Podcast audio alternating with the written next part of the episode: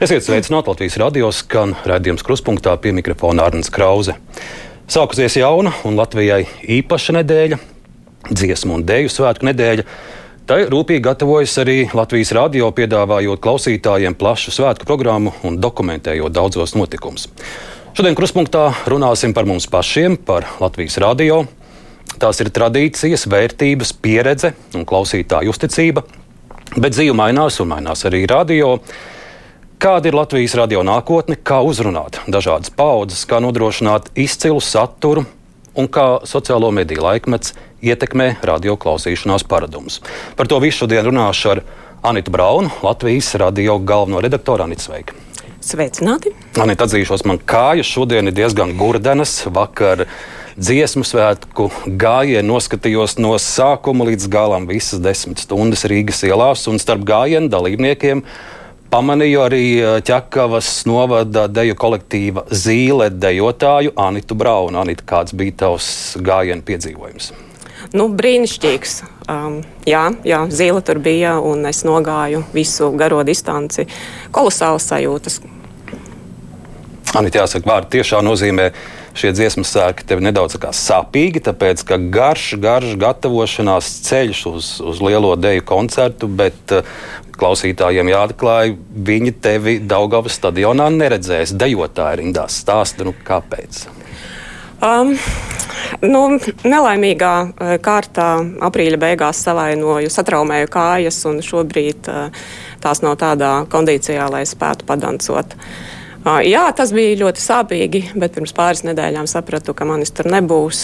Um, kāda asariņa nobira, Bet eh, šobrīd esmu samierinājusies, un tas, uz ko es eh, saņēmos, ir eh, gājiens, ko vakar nogāju. Jā. Um, Kājūtu nejūtu nemaz. Tas pacelājums, un aizkustinājums un prieks bija tik liels. Tikai tad, kad gājiens beigās, tad sapratu, ka tālāk ir jāklibo, jo tāda slodze tomēr laustai kājai drusku par traku bija.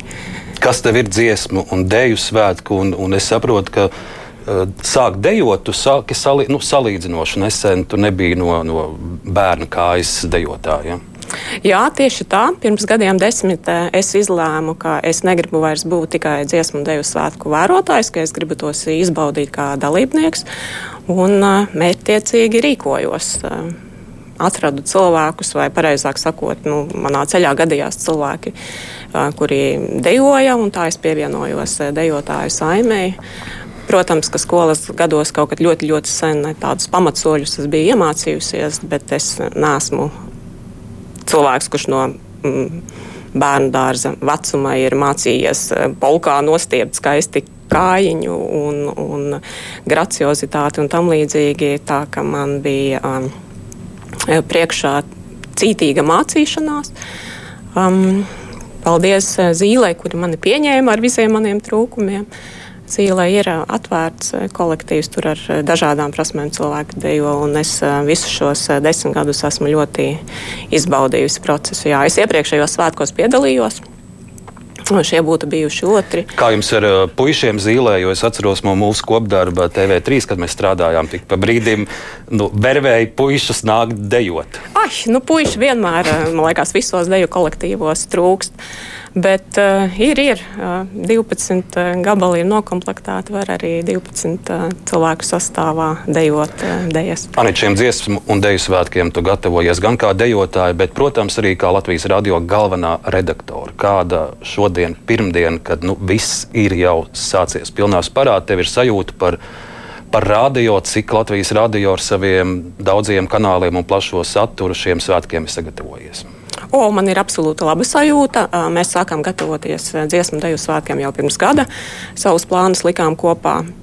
Un dziesmu svētku satura sistemātiski skan jau krietni pirms svētkiem sāka skanēt. Ir bijuši brīnišķīgi raidījumi, brīnišķīgas rubrikas.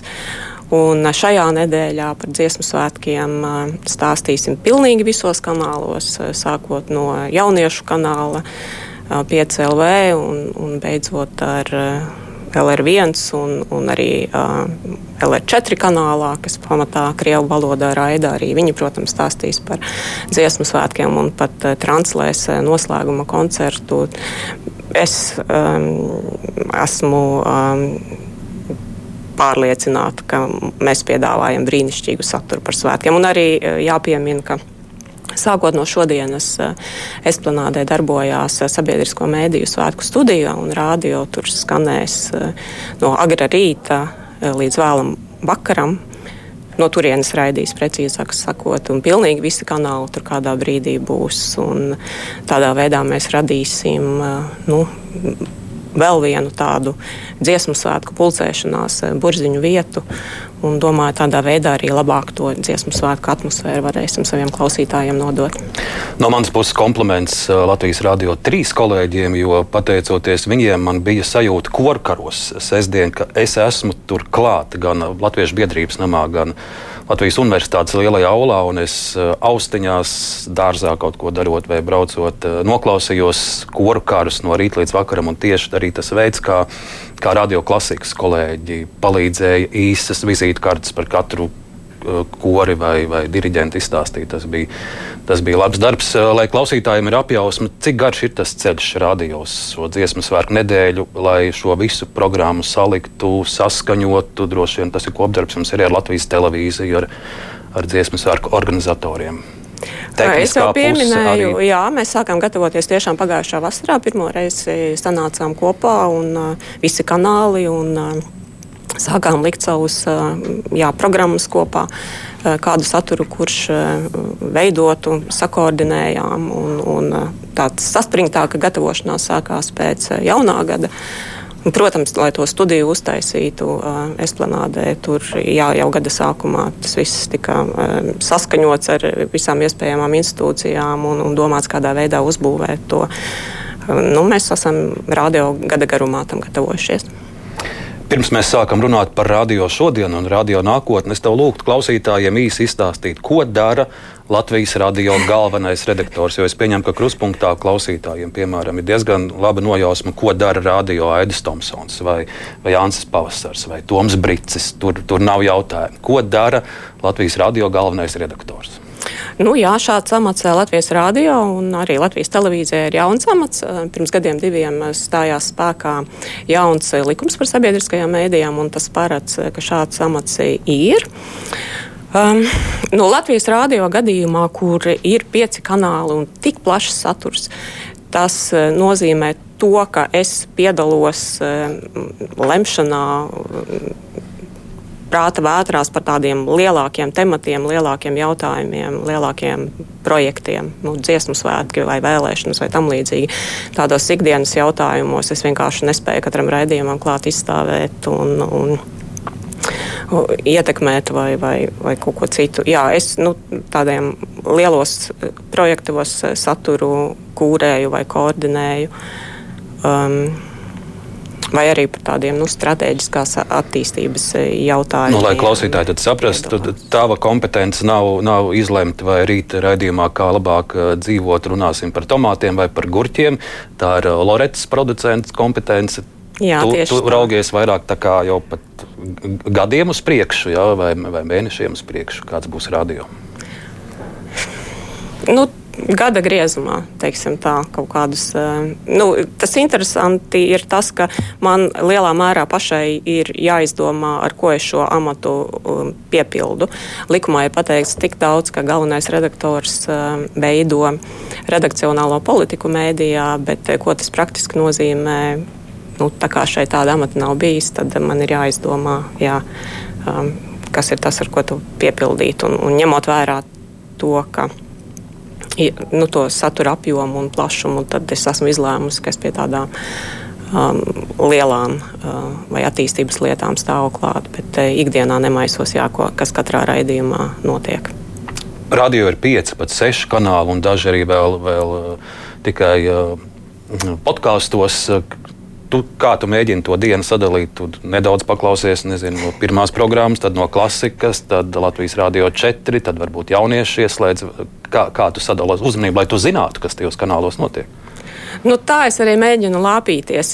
Man vajadzētu droši vien klausīties daudz vairāk, nekā es to spēju izdarīt, jo kaut kad ir arī jāstrādā. Un, ja tev ir nu, nezinu, liels domāšanas darbs tajā, ko tu dari, tu nevari fonā klausīties radio es tiešām mēģinu kaut kā. Mm, reizēm sadalu vienkārši, ka šonadēļ es, piemēram, klausīšos no rītiem Latvijas Rādio 4. Ja es pārsvarā tā dabiski kā klausītājs esmu klausījusies pirmo kanālu vai trešo kanālu, šo, nu, pašlaik es izlēmu, ka tajā un tajā dienā es klausīšos to un to es arī daru. Cik radio bija svarīgs uh, informācijas avots tev?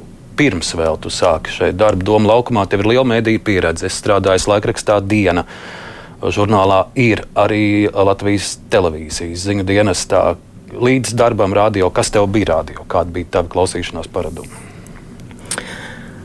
Man jāteic, ka agrā jaunībā es biju aizklīdusi prom no sabiedriskā rādio, klausījos eh, komercstacijas, bet eh, tieši tajā brīdī, kad es sāku strādāt Latvijas televīzijā, pirms nu, jau diezgan daudziem gadiem, tad es sapratu, ka Latvijas uh, televīzijas ziņu dienesta kolēģi klausās Latvijas rādio. Tad viņi atnāk pie mums un stāsta visu kaut ko, ko viņi ir dzirdējuši Latvijas rādio pirmajā kanālā. Tad es sapratu, ka tas ir tā vērts, lai to kanālu klausītos. Jā, tad, cik tagad, pirms 15 gadiem apmēram, jā, es esmu regulārs pirmā kanāla klausītājs un nu, sakoju līdzi ziņu un informatīvi analītiskajiem raidījumiem.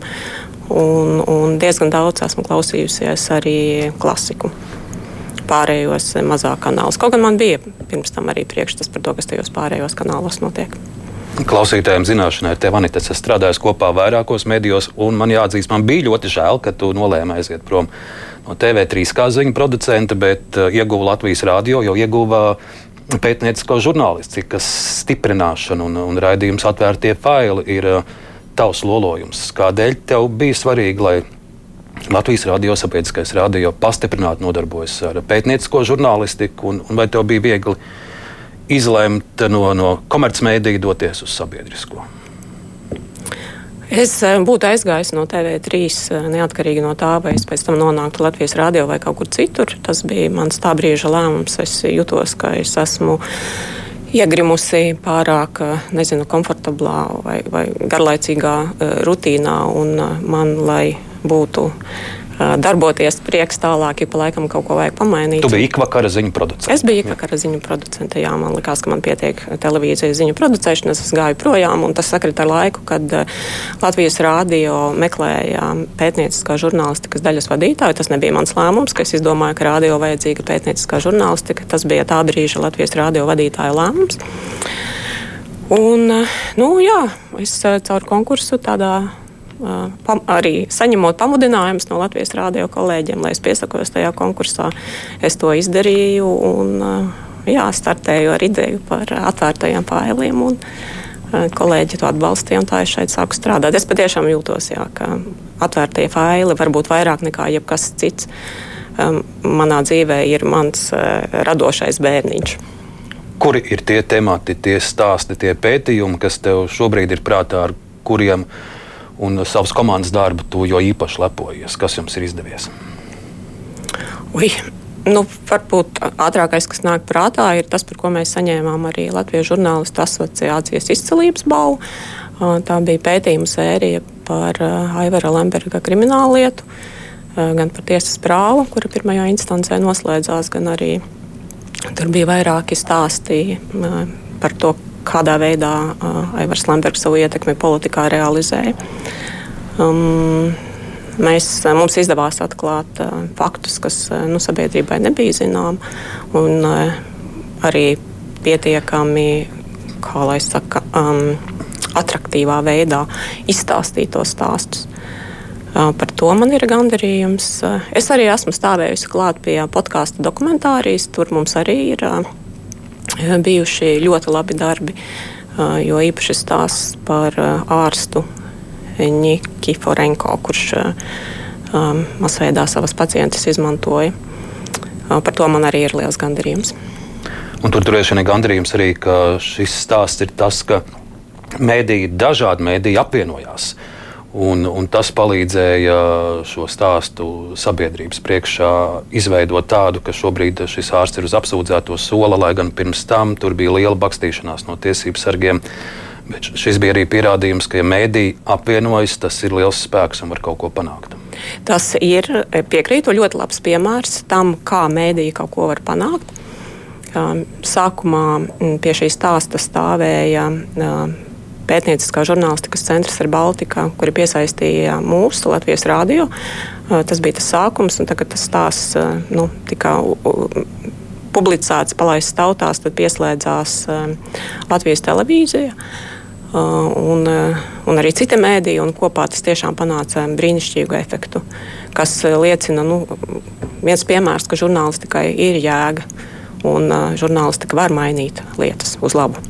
Pētnieciskā žurnālistika ir finansiāli dārga žurnālistika, jebkuram mēdījam.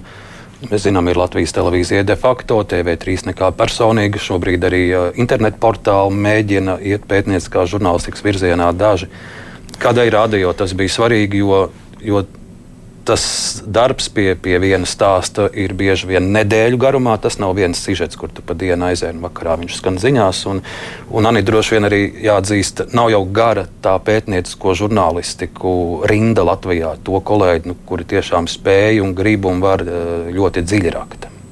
Kādēļ radio tomēr izlēma to darīt? Nu, es teiktu, ka tieši uh, apstākļos, kad uh, nu, šobrīd vispār mēdīju biznesam drusku pamats zūd zem kājām. Ne tikai šobrīd, jau vairākus gadus dēļ tā, ka ir ienākuši uh, lieli uh, starptautiski mēdīju, sociālo mēdīju uzņēmumi. Nevis ienākuši, bet viņi vienkārši ir.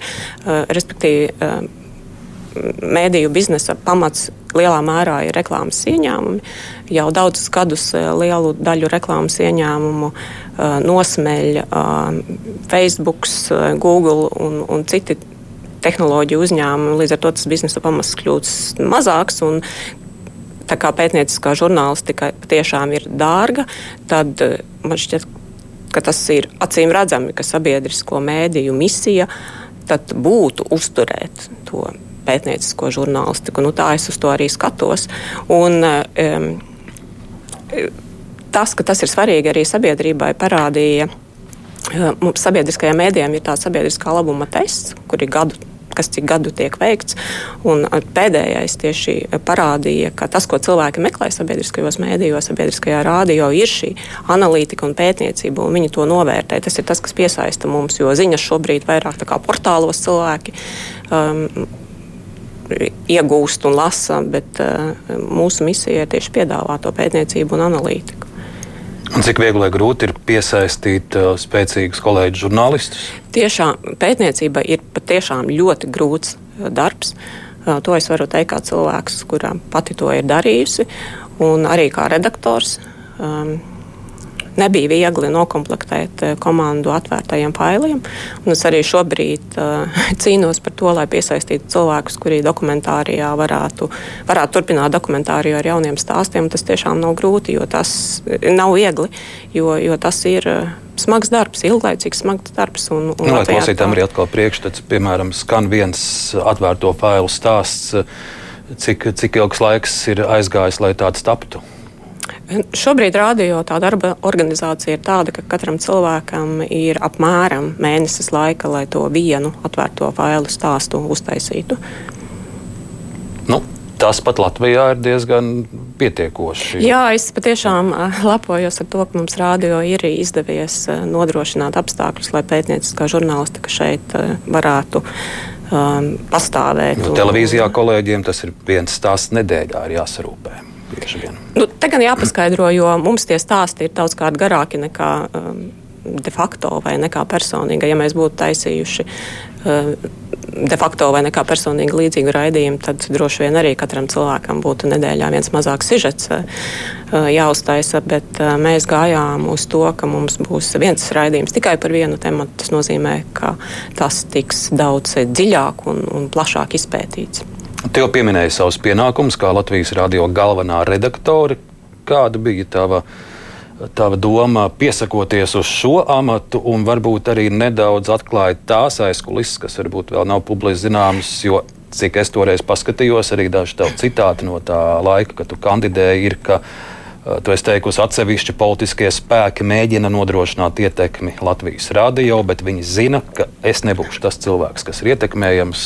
Kas toreiz konkursu laikā notika?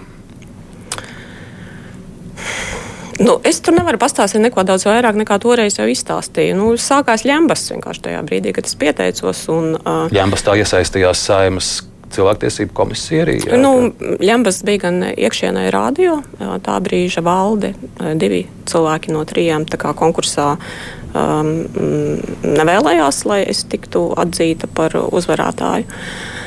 Um, un Ļembas bija arī jā, saimas komisijā, nu, kaut kā es nezinu. E, jā, man liekas, ka vairāk nekā vienā saimas cilvēktiesību komisijas sēdē, laikā, kad to vadīja Arčs Kaimiņš, tur šis jautājums tika izskatīts, bet eh, man tas ne sapņos nerādījās tajā brīdī, kad es izlēmu iesniegt to savu pieteikumu konkursā. Un es īstenībā pieteicos tāpēc, ka man eh, tā sauktie headhunteri kuri tātad meklē cilvēkus, mudina cilvēkus pieteikties šādiem konkursiem. Viņi man zvanīja un aicināja pieteikties. Īstenībā uz Latvijas televīzijas galvenā redaktora konkursa aicināja pieteikties. Un tajā brīdī es nodomāju, nu, ja es kaut kur pieteikšos, tad drīzāk uz Latvijas rādio galvenā redaktora amatu, jo man bija tāda nu, pienākuma sajūta pret rādioties. Es biju sākus strādāt nesen, nu, ka, ka man te ir jāpaliek. Jā. Nu, tas bija uh, negaidīti. Um, un, um, nu, es to nolasu tieši tā, ka um, Latvijā um, politiskajām partijām nekur nav pazudusi vēlme uh, kaut kādā īsā saitītē turēt sabiedriskos mēdījus. Un, Kādi ir tie veidi, kā tas izpaužas? Vai tiek mēģināts to, to saitīt, kādā veidā turēt? Nu, tā bija tā viena droši vien skaļākā izpausme. Um, šobrīd es teiktu, ka nu, tīri tas mehānisms, um, pārvaldības mehānisms sabiedriskajiem mēdījiem ir tāds, kur uh, lielākoties tiešā veidā neviens nevar ietekmēt uh, to saturu, kas Latvijas rādio tiek veidots, jo ir pa vidu um, neatkarīga institūcija SEPLP, es teiktu, ka pašreizējais sastāvs ir tāds, ka es tur neredzētu kaut kādu konkrētu politisko partiju pārstāvniecību, ka viņi tiešām ir neatkarīgi. Bet eh, tā ietekme, kas joprojām saglabājās, ir eh, finansiālā. Nu, e, to es tā izjūtu. Mēs katru gadu esam atkarīgi no tā, ko budžetā veidošanas eh, laikā valdība un saima mums piešķir. Un ir pavis, tas ir pavisam tieši veids, kā uh, viņi uh, ietekmē nu, mūsu darbību. Un tieši tāpēc pirms kāda laika Latvijas rādio darbinieki sacēla lielu jēzgu, prasot uh, lai um, līdz ar sabiedrisko mēdīju apvienošanu tiktu lēmts par jaunu uh, sabiedrisko mēdīju finansēšanas modeli, kas mums nodrošinātu uh, neatkarīgu, stabilu un uh, lielāku finansējumu. Ja reiz tu pats sāki šo stāstu, šo ļoti, ļoti garo stāstu par vienoto sabiedrisko mēdīju, uh, kādas tev uz to ir skatījums. Nu, tās pēdējās ziņas ir, ka 2025. gada janvārs varētu būt tas brīdis, kad Latvijas televīzija un Latvijas radio strādā kopā. Um, arī es no tiem laikiem, kad es pats strādāju Zaķisalā, atminu, ka televīzijas cilvēki vienmēr ir bijuši tādi ar daudz lielāku entuziasmu, ir raudzījušies uz šo vienoto mēdīju. Radio cilvēki pie ļoti dažādām vadībām ir bijuši krietni piesardzīgāki uz šādu kopdarbību. Um, tavs skats, kādus tu redzi, plusus, mīnusus, un, un, un vai tev ir sajūta, ka no 25. gada tiešām radio un televīzija būs kopā? Nu, ļoti nu, daudz es te jautājumā saliku jā, iekšā. Bet... Salik. um, tas ir sarežģīts jautājums. Es pati noteikti esmu pārliecinoša apvienotā mēdījā atbalstītāja. Vienkārši aiz tā iemesla, ka uh, Eh, saturs eh, šobrīd eh, ir multimediāls, tās robežas starp radio, televīziju mm, ir izzudis. Un šādos apstākļos nav jēgas sabiedriskajiem mēdījiem ārt katram savu lauciņu, jo tas lauciņš jau sen ir krietni lielāks un, un kopā tur var izdarīt daudz vairāk un ir jādara daudz vairāk. Um, bet, uh, Un es zinu, ka Latvijas rādio strādā cilvēki, kuri uh, ir tieši tādās pašās domās kā es, kuri atbalsta apvienotu sabiedrisko mēdīju, bet es arī zinu, ka ir cilvēki, kuri ir skeptiskāki pret šo procesu vai kuri neatbalsta vispār. Un tas pieļauju, ka daļēji saistīts Jo te ir arī ļoti pieredzējuši cilvēki, strādā, kuri kādreiz ir strādājuši apvienotajā mēdījā, kad Latvijas televīzija un rādio bija vienā uzņēmumā. Un tad viņus atdalīja un tagad uh, atkal apvieno. Un, nu, kaut kā viņi tad uzdod jautājumu, kas tur notiek. Var saprast to. Um, un, š, nu, pie šādām ļoti dažādām uh, sajūtām un viedokļiem, tad ir jautājums par līderību. Vai ir pietiekami spēcīga līderība, līderi, kas ved tevi tā apvienotā uh, mēdīja virzienā. Nu, mēs šobrīd ejam šajā procesā, un tur uh, viss kaut kas parādās. Kur tas aizvedīs, es neņemšu šobrīd prognozēt, ka 25. gadā tas tiešām tas viss tā. Um, mm, beigsies ar apvienotu mēdīju, bet uh, nu, tāds mērķis šobrīd uh, ir nosprausts. Jā. Un pa vidu ir vēl tas ļoti sarežģītais finansējuma jautājums, jo tur mēs nekādu lielu progresu neredzam.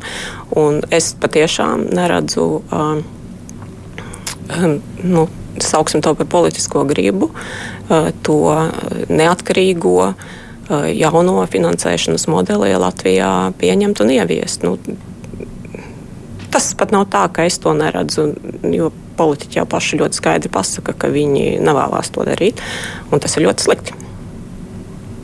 Tas, par ko ir piesardzība, daļai ļaužu runājot par vienoto mēdīju, ir, ir vairākas lietas, bet nu, divas, ko es sadzirdu, ir viena, ka, ka radio arī šādā apvienotā modelī tāpat būs tāda jaunākā māsa, un tāpat tas lielais ģimenes galva būs Zaķisala un televīzija. Un otrs ir, ka Šobrīd ir divi neatkarīgi ziņu dienesti Latvijas televīzijā un Latvijas radio. Ja tas, piemēram, būtu viens, tad uh, būtu lielākas bāžas, ka, ka, ka var ietekmēt uh, ziņu saturu. Tas, ka tagad ir divi atsevišķi neatkarīgi, tas nodrošina papildu, kad, kad, ir, kad ir šī neatkarība, uh, kā tu kliedētu vai, vai pievienotos šīm bažām.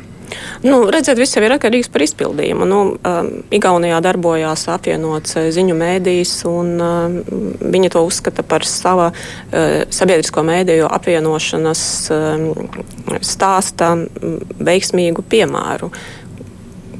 Kā uzskatāmu piemēru, kādēļ vajadzēja apvienot. Uh, Līdz ar to, protams, ja, ja tur gala rezultātā ir viens mēdījis un viens ziņu dienests, un, un ja izdodas e, kaut kādiem politiskajiem spēkiem ar saviem taustekļiem iekļūt tajā sabiedriskajā mēdījā, tad, protams, ka šāds uh, risks ir, ka tad uh, nu, samazinās tā redakcionālā uh, neatkarība vai, vai neatkarīgās balsis. Nu, tas tā ir. Jautājums ir par to izpildījumu. Eh, bet par jaunākā māsu runājot, es arī saprotu, jā, ka ir kolēģi, kuriem ir drusku bažas, ka televīzija tad būs priekšplānā un radio drusku tā kā otršķirīgs. Um, bet eh, tajā pašā laikā jāsaka, ka šobrīd radio pozīcijas īstenībā ir ļoti spēcīgas. Ja mēs skatāmies arī Eiropas mērogā, um, Latvijas rādio ar saviem pieciem kanāliem spēja aizsniegt ļoti, ļoti, ļoti lielu auditorijas daļu, apmēram pusi Latvijas iedzīvotāju, sabiedriskais rādio. Un, un tie ir labāki rādītāji nekā vidēji Eiropas EBU, tas ir no Eiropas trade organizācijas, kā spēja. Un tā ir milzīga vērtība. Mūsu pozīcija šobrīd ļoti, slik, ļoti, ļoti labas. Par radio reitingiem uh, nu, nesatricinām top. Pirmajā vietā ir Latvijas Rādio 2 un, un gadiem, un šķiet, ka tur neviens uh, Rādio 2 nespēja pakustināt un izkustināt, bet uh, kopumā jūs droši vien arī radio vadībā pētat reitingus, tendences, auditorijas, uh, kas jūs klausās, kuros reģionos klausās, vai jaunieši vēl klausās un cik daudz. Uh, ko tu šajos reitingos redzi? Man vienmēr interesēs, vispār, kā radio var noteikt reitingu, tāpēc, ka televīzijā es zinu, tur ir tādas kastītes, un viņas fiksē, kad cilvēks ieslēdz pulti, izslēdz. Kā radio var noteikt, eh, cik tūkstoši tur ir šorīt eh, rīta raidījumu labrīt klausījušies? Nu, to tev precīzāk Antara droši vien izstāstīs, bet eh, viņi aptaujā cilvēkus. Tas ir tas veids, kā viņi mēra radio klausīšanos. Tendence ir tāda, ka lineārajā apraidē klausītāju skaits, radio klausītāju skaits gada, gadu no gada tomēr samazinās, bet tai pašā laikā tas, kas mūs glābt, neglābt, bet tas, kas īstenībā dod jaunas attīstības iespējas ir digitālā vide. Un pagājušajā gadā Latvijas rādio digitālajā vidē sasniedza jaunus auditorijas rekordus. Tie ir gan podkāsti, gan arī nu, mēs trešajās platformās piedāvājam savu saturu, savu saturu sociālajos mēdījos, un, un tur mums arī izdodas aizsākt Facebook, jaunu, YouTube. Jā. jā, Facebook, YouTube, Instagram, LR5 arī TikTokā ir, un tur auditorija, mūsu auditorija kļūst aizvien plašāka. Tas ir jā, tas, tas, kas izdodas. Un es esmu dažas reizes braukusi arī uz Eiropas radio dienām, kas ir radio industrijā tāds milzīgs pasākums. Un, eh, tas, ko es esmu sapratusi, ka radio industrija īstenībā ļoti optimistiski skatās uz eh, savu nākotni. Atšķirībā no televīzijas. Atšķirībā no televīzijas. Um, jo um, labi, jā, lineārajā apraidē klausītāju skaits krīt visur, ne tikai Latvijā, bet tieši tā digitālā vide. Uh, tā dod jaunas attīstības iespējas. Tieši tā uz to radioindustrija arī skatās un attīsta jaunus. Jaunu veidu saturu tieši digitālajā vidē, un starp citu arī nu, teiksim, vēsturiski drukātie mēdīji pasaulē lieli, kvalitatīvi ietekmīgi mēdīji, kā New York Times vai Washington Post.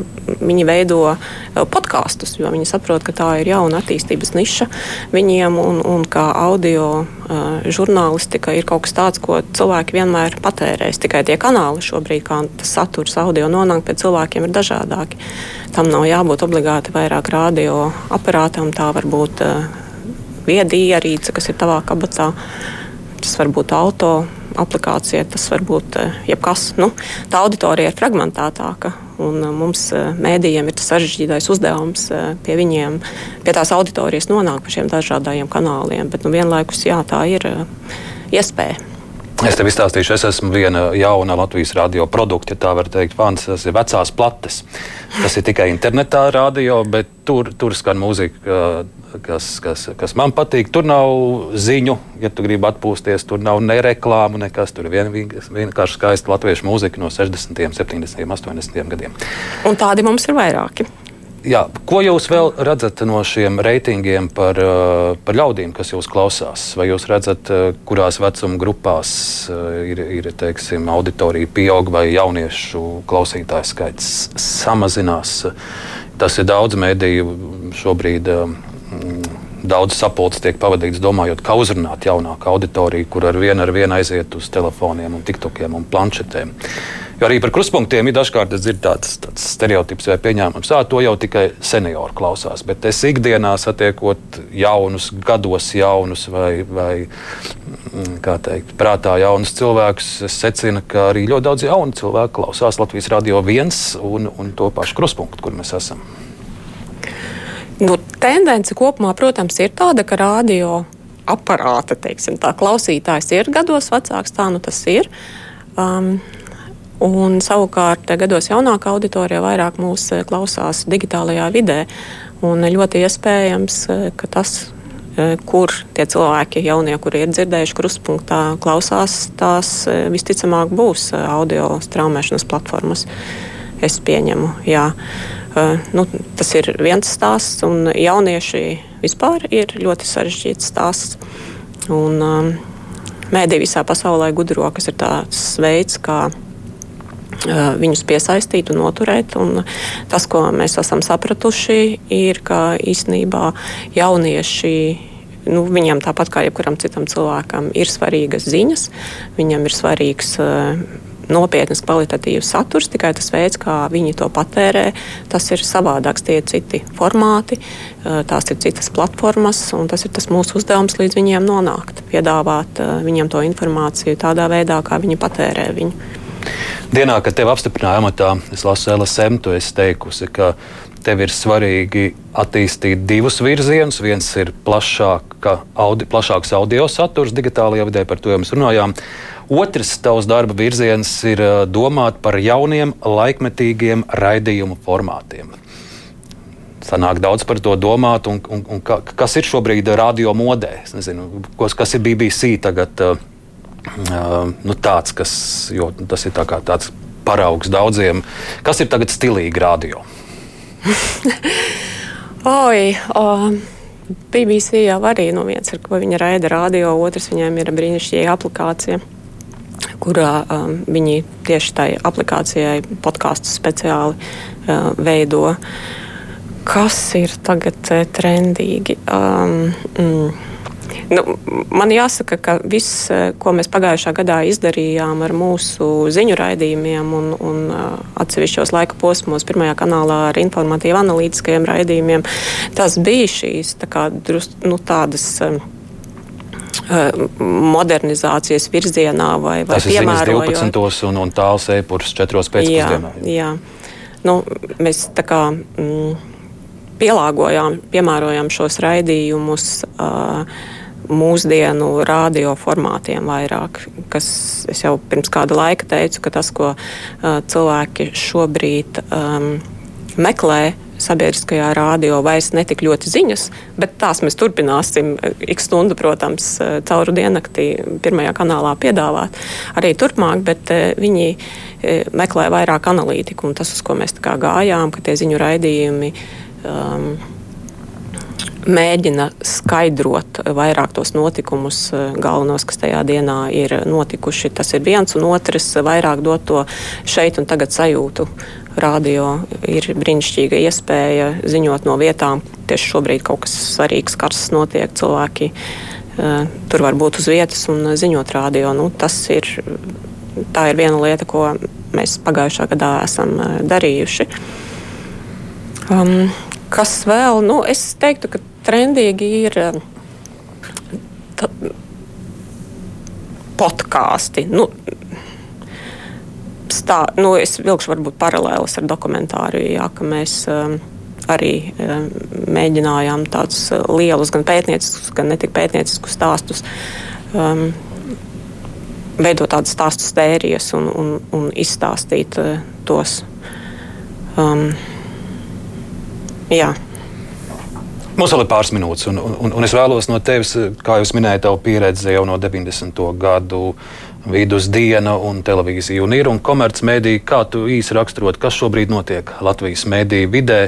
Da, daudz gadu strādā arī drukātajā presē. Nu, no drukātajiem laikrakstiem lielajiem ir palikuši vairs divi laikam. Kā, kā tu redzi, kā, kādas ir tās izmaiņas, uz kurien tās iet? Nu, ļoti dažādi. Um, Ja runājām piemēram par pētniecisko žurnālistiku, es uzskatu, ka Latvijā tā šobrīd ir pietiekami spēcīga. Gan privātie mēdīji cenšas to piedāvāt, gan, gan sabiedriskie. Um, mums ir spēcīgi privātie mēdīji joprojām. Um, nu, gan portāli, gan televīzijas, bet tajā pašā laikā nu, tiem mēdījiem dzīve nav viegla kā jau iepriekš teicu, ka ir ļoti jācīnās eh, par ienākumiem privātajiem mēdījiem, lai tie pastāvētu. Um, nu, kopumā jau ar visu to, ka sabiedriskie mēdīji, lai arī nu, tā finanšu bāze līdz šim ir bijusi tāda paplāna, mēs esam daudz mazāk finansēti nekā vidēji Eiropā finansē sabiedriskos mēdījus. Es tomēr uzskatu, ka ar visu šo mēs esam gana spēcīgi un, un daudz laba satura spējam kvalitatīvi piedāvāt. Tas gan nenozīmē, ka nav kur augt, ir kur augt arī joprojām. Viena varbūt slikta lieta, kas man nāk prātā, par ko es uztraucos, ir tas, kādā veidā Nepalpus savas funkcijas šobrīd īsteno. Un, un tā tendence sodīt mēdījus pēc panta, kur par nepietiekamu precizitāti, respektīvi likumā Pēdējais šis TVNet gadījums. Jā. Anita, mums vēl ir pusminūte. Es zinu, ka Latvijas radio uh, brīvā mikrofona tie biežākie zvanītāji ļoti uzmana, lai mēs neievelkam un, un neatņemam nevienu sekundi no brīvā mikrofona. Ir palikusi pusminūte mūsu sarunai. Tu pat klausies brīvo mikrofonu, kas tev ir brīvais mikrofons. Varbūt kādreiz es gribēju kaut ko uzrakstīt vai piezvanīt mums. Nē, neesmu gribējusi, bet uh, es ar, ar lielu aizrautību, tad, kad ir laiks, klausos brīvo mikrofonu, jo tas ļauj uh, uzzināt viedokļus, ko es tā es zinu, ka pirms darba rādio tu biji diezgan skeptiski. Jā, jā, es jau tev atklāju, ka es kādā brīdī esmu nodomājusi, ja es strādātu Latvijas rādio, tad es to brīvo mikrofonu aizklāpētu ciet, tāpēc, ka šobrīd ir nu, vienkārši daudz citu iespēju, kur savu viedokli paust, ir sociālajie mēdīji. Bet es šobrīd ļoti novērtēju brīvo mikrofonu. Tā ir brīnišķīga iespēja cilvēkiem paust savu viedokli sabiedriskā mēdījā. Un ļaudis tūlīt pat to darīs. Uh, Anita, liels tev paldies par sarunu. Anita Brauna, Latvijas radio galvenā redaktore, jau tūlīt klausītāji brīvais mikrofons.